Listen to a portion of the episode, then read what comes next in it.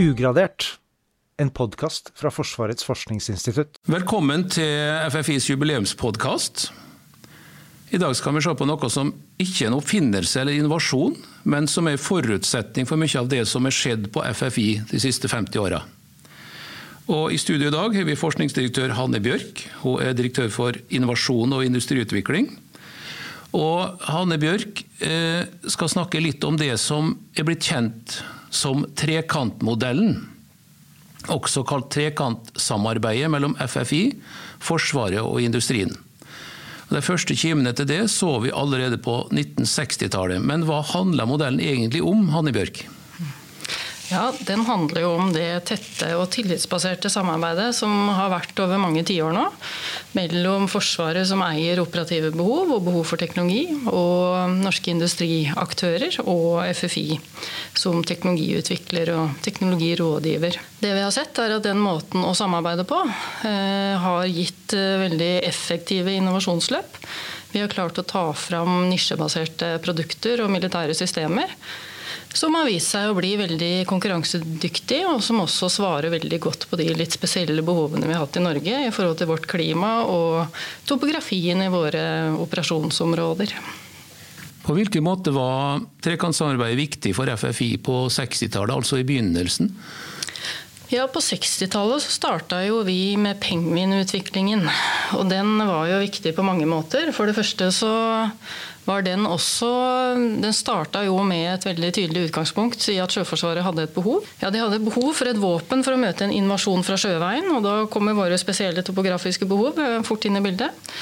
Eh, og den typen missiler fantes jo heller ikke på markedet. Så FFI begynte da utviklingen av et målsøkende sjømålsmissil. Det skjedde i tett samarbeid som sagt, med industrien, Kongsberg og Nammo. Eh, og var basert på varmefølsomme detektormaterialer, laser og treghetsnavigasjon. Og sånn sett så var det en av de første målsøkende missilene i verden. Eh, og det viser egentlig hvor viktig det er å holde kontinuitet og langsiktighet i den type avansert teknologiutvikling og, og militære systemer for å klare å lykkes med internasjonalt ledende produkter, sånn som vi ser at NSM bl.a. Har, har blitt. Så det er et eksempel på de lange, virkelig lange linjene på FFI, og hva det gir av resultater.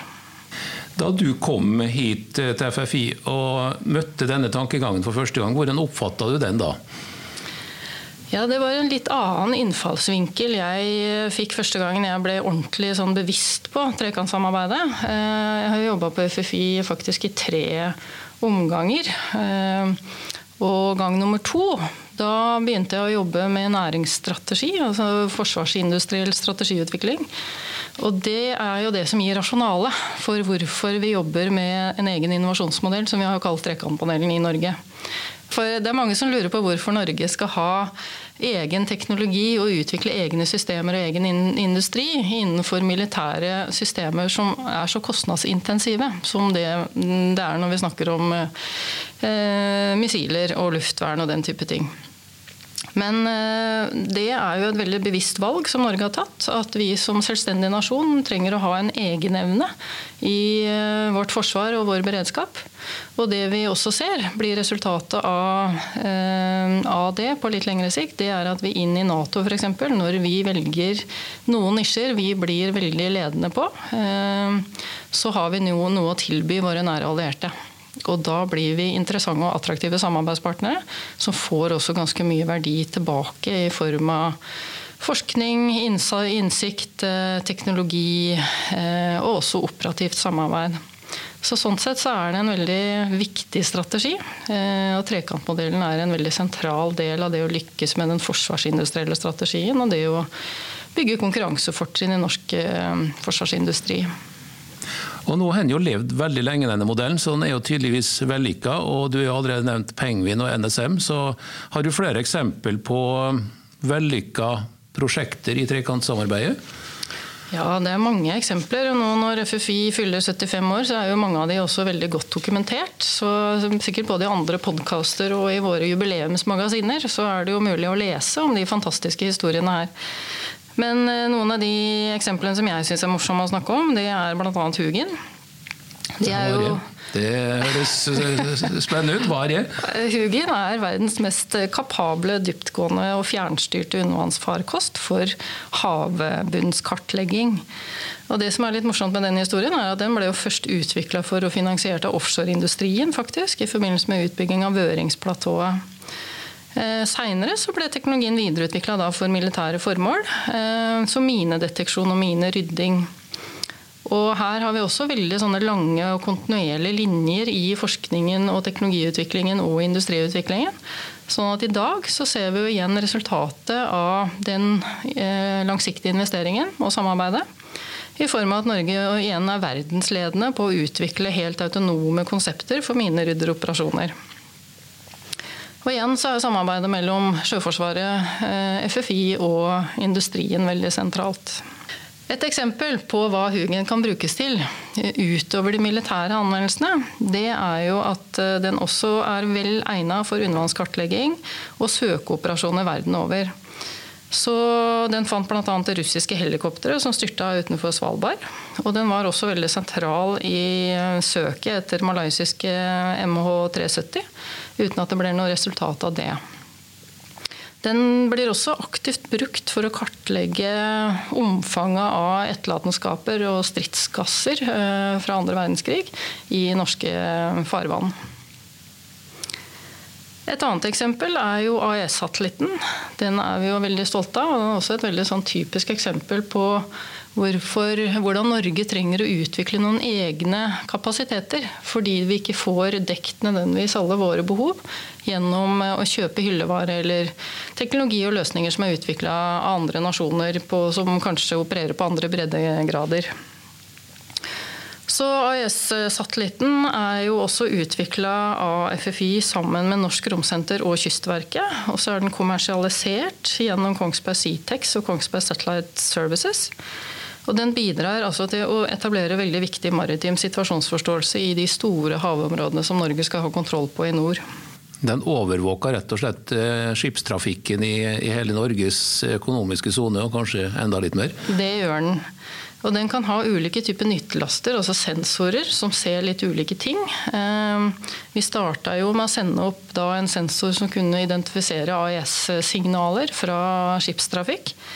Eh, og nå senest eh, ja, for noen uker tilbake så skøyt vi opp Norsat 3, som er en etterfølger etter AS-satellitten, som da i tillegg til Eh, de sensorene vi har hatt før, har med seg nye sensorer som også ser navigasjonsradarer f.eks. Sånn at vi kan få et enda bedre situasjonsbilde for den aktiviteten som skjer i nordområdene. Vi kan også vise til en veldig kostnadseffektiv utvikling eh, med akkurat den kapasiteten her. Så når vi sammenligner med hva den type militære systemer koster å utvikle andre steder, og vi kan fortelle at total utvikling av vår satellitt inkludert av basestasjon og toårsdrift, er på under 30 millioner kroner. Så er det ganske enestående tall å, å vise til. Det vel småpenger i sånne sammenhenger? Ja.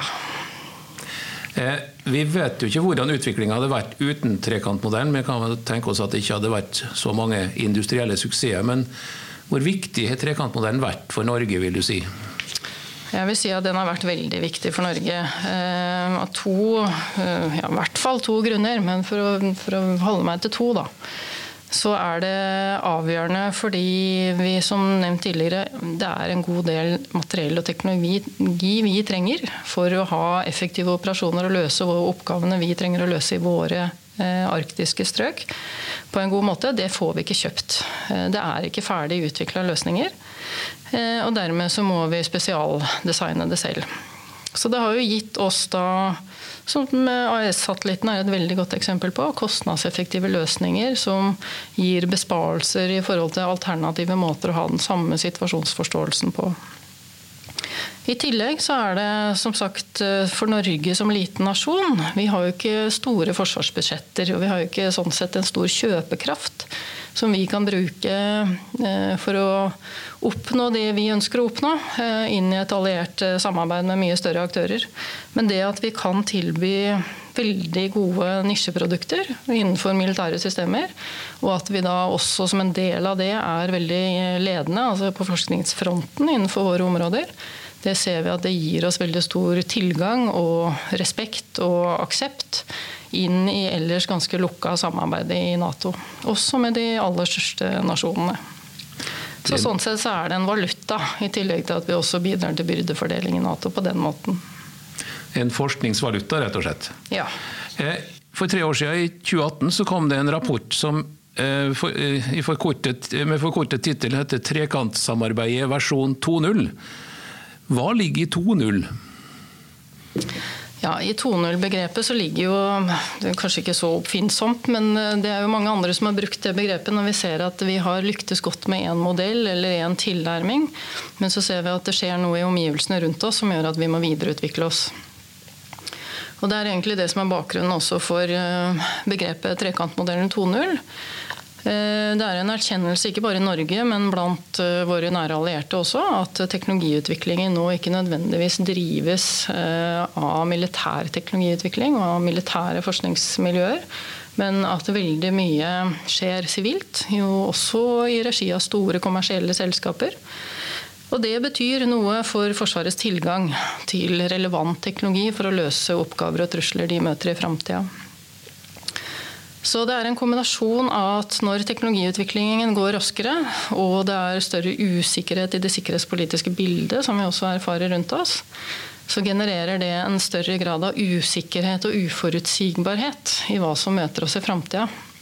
Og det gjelder egentlig både hvilke aktører vi møter. Vi ser jo ikke-statlige aktører får en uh, litt annen rolle.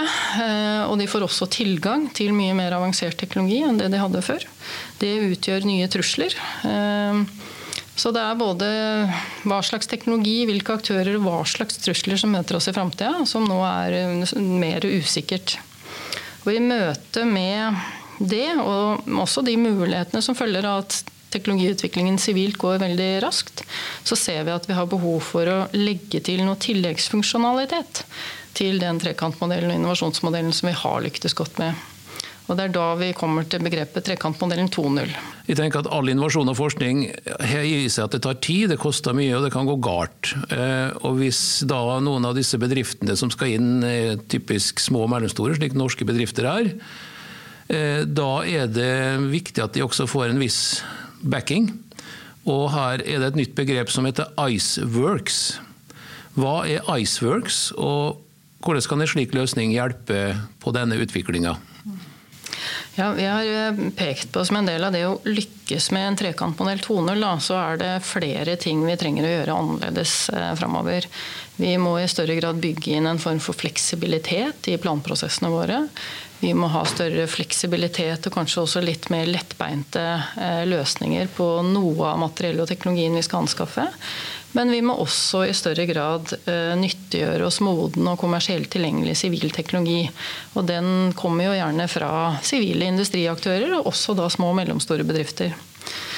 Så for å tilrettelegge for spesielt det siste, det å bli gode på å anvende den nye teknologien som finnes der ute, så tenker vi at det å både videreføre den erfaringen vi har med oss fra brukernær utvikling, eh, tett samarbeid gjennom trekantsamarbeidet, men også det å sørge for at det går raskere. Det er noe av det vi ønsker å bygge mer kapasitet på og kompetanse på. Og Da kommer Iceworks og innovasjonssenteret vårt inn i bildet. Når du sier raskere, hva, hva, ligger det i det? Ja, Det er farlig å si raskere teknologiutvikling. for alle som har jobba med teknologiutvikling, vet at det, det tar Jo mer avansert det er, jo mer ledende du skal være, så er det ting som tar tid. Eh, men det handler om å vi, vi sikter inn mot at når vi tar utgangspunkt i mer moden teknologi, altså ting som kan realiseres og tas i bruk innenfor et, en tidsramme på ett til tre år, da, så jobber vi et litt annet tidsspenn enn når vi skal utvikle neste generasjon sjømålsmissil. Ehm, så det er det vi legger i begrepet raskt. Og utover det så har vi ikke så lyst til å definere det så mye mer konkret, fordi ehm, da utelukker vi en del gode muligheter.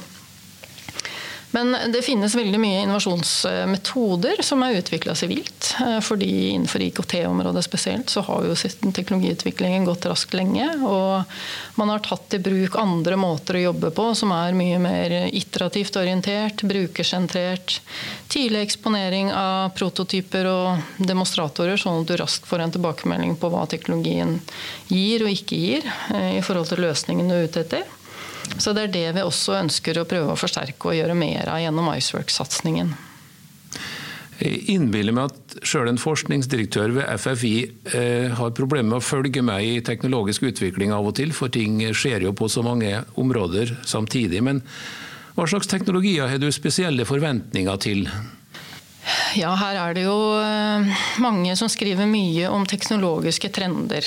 Og konsekvensene av de teknologiske trendene, både for Forsvaret og for andre aktører i samfunnet.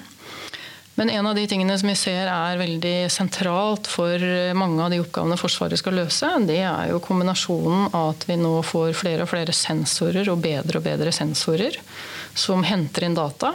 Eh, vi får bedre systemer for å utnytte stordata, altså store mengder data, og i kombinasjon med bruk av kunstig intelligens og metode for det, så kan man også, summen av det her kan gi en ganske stor tilleggsverdi i form av situasjonsforståelse. Det å se i et område hva skjer, skille normal aktivitet fra unormal aktivitet, og sånn sett effektivisere hva du reagerer på, og hva du går ut og på en måte trenger å håndtere og ikke trenger å håndtere. Men når du i tillegg får ubemanna plattformer, som vi jo ser kommer på mange områder, både over og under vann og på bakken, eh, og i lufta, ikke minst, eh, så er de også både bærere av sensorer, sånn at du kan få sensorer lenger fram og mer ut på dypet, som vi kaller det. Eh, de kan gi oss bedre kommunikasjonsløsninger og samband. Og de kan også brukes i noen grad til ulik type hendelseshåndtering. Så her er det summen av hvordan vi anvender denne type teknologier, kan gi veldig, veldig mange ulike anvendelser hvor vi har et effektiviseringspotensial, og hvor kanskje også presisjonen i det vi ser og det vi agerer på, blir større. Verken du eller jeg greier vel å forutsi hva slags konkrete oppfinnelser som kan komme ut av en sånn, et sånt scenario. men hvis du tenker på trekantsamarbeidet, da, hva, hva, er det ideelle samarbeidet mellom disse tre aktørene i framtida, og hvordan får vi det til? Ja, det er det vi prøver å både lære litt fra andre eh, for å forstå bedre, eh, og sånn sett eh, tester ut og lærer i egen regi. Men vi ser jo at det å jobbe tett sammen, tillitsbasert. Eh, ha en åpen kultur hvor vi er nysgjerrige på hverandre, hvor vi respekterer tverrfaglighet, hvor vi får mer mangfold inn i samarbeidet.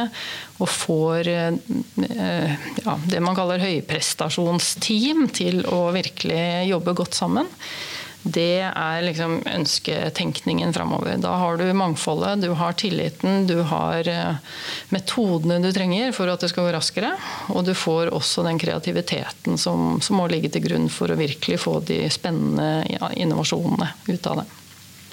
Så det er vel eh, det er vel noe av det vi prøver å ha som målebilde der framme. Og også ønsker at eh, Iceworks og trekantmodellen 2.0 skal bidra til å realisere på forsvarssektorens vegne. Iceworks innebærer også at nå skal det opprettes arenaer for forskning. Hva betyr det? Ja, det har eh, vi også jobba med en stund. Eh, noe av det vi ser er at for å lykkes i trekantsamarbeidet, så er jo brukerne eh, veldig vesentlig. Det å få god brukerinvolvering, det at vi kan teste ut teknologier og løsninger for konkrete operative anvendelser, og helst ute i felt. Det er veldig nyttig. Samtidig så er det jo sånn at det norske forsvaret er lite. Det er ikke ubegrensa ressurser, det er ikke ubegrensa tilgang til de. Så vi har ønska å egentlig fjerne de barrierene, eller gjøre de lavest mulig, for at de kan delta. Og da er løsningen egentlig å flytte deler av forskningen og FFI ut til der brukerne er. Og Det er litt av bakgrunnen for at vi etablerer såkalte innovasjonsarenaer da nå på Setermo i nord, under navnet Iceworks Arctic. Eh, vi etablerer en på Rena, og vi etablerer også andre i samarbeid med andre deler av Forsvaret. Og Da tenker vi at vi skal legge til rette for at vi har en infrastruktur der, og at vi jobber mest mulig effektivt den tiden vi har tilgang på de brukerne, og at vi gjør det sammen med den daglige treningen og øvingen og aktivitetene de har eh, i sin naturlige virksomhet. Og vi må jo da også invitere industrien inn, så det er også selvsagt noe av baktanken eller bakteppet for eh, Eh, innovasjonsarenaene. At vi skal prøve å åpne også mer opp og ha spesifikke arrangementer, seminarer, testaktiviteter og utviklingsaktiviteter. Hvor også utradisjonelle industriaktører i større grad inviteres inn for å være med og svare på Forsvarets behov. Så ikke bare fortsett trekantsamarbeidet, men det blir også større enn før? Det blir større. Vi utvider trekanten kan du si, med flere aktører. Også andre aktører enn bare FFI. Fordi det er jo veldig mange andre både kompetansemiljøer og forskningsinstitusjoner i Norge som sitter med mye kompetanse og kunnskap og teknologi som ikke FFI kan prioritere og opprettholde og være ledende på. Forsvaret er jo noen ganger litt sånn skeptiske til industrien og kommersielle aktører og ut, bare ute etter inntjening og kortsiktig gevinst. Og det syns jeg er en litt sånn feil oppfatning. Mitt, min erfaring med møtet med industrien er at det er veldig mange idealister der ute. Det er veldig mange som brenner for å være med å utvikle teknologi og løsninger for Forsvaret, nettopp fordi det gir en litt dypere mening enn bare den kommersielle inntekten og interessen. Så er vi ikke naive i det samarbeidet, men, men vi tror det er en veldig potent og stor ressurs, det å få flere industriaktører inn i et sånn type samarbeid. Da må vi si takk til Hanne Bjørk for en meget god innføring i trekantsamarbeidet. Et siste spørsmål er jo har vi et trekantsamarbeid om 50 år? Ja, det vil jeg tro. Ser du historisk på det, så, så, er det ingen grunn til å tro at det blir noe mindre viktig framover. Men det vil nok helt sikkert komme en annen form og fasong enn det vi ser i dag. Da sier vi takk til det, Hanne Bjørk, for et interessant innblikk i trekantsamarbeidet. Samarbeid er et godt eksempel på den utviklinga som FFI har gått gjennom siden starten, der evnen til nytenking, innovasjon og samarbeid resulterte i mange banebrytende produkt. På sitt vis er jo trekantsamarbeidet det som har lagt rammen for mange av de enkeltprosjektene som vi trekker fram i jubileumsåret. Jubileumspodkasten vår tar nå en liten sommerferie. Vi ser fram til mange flere spennende dypdykk i FFIs historie til høsten.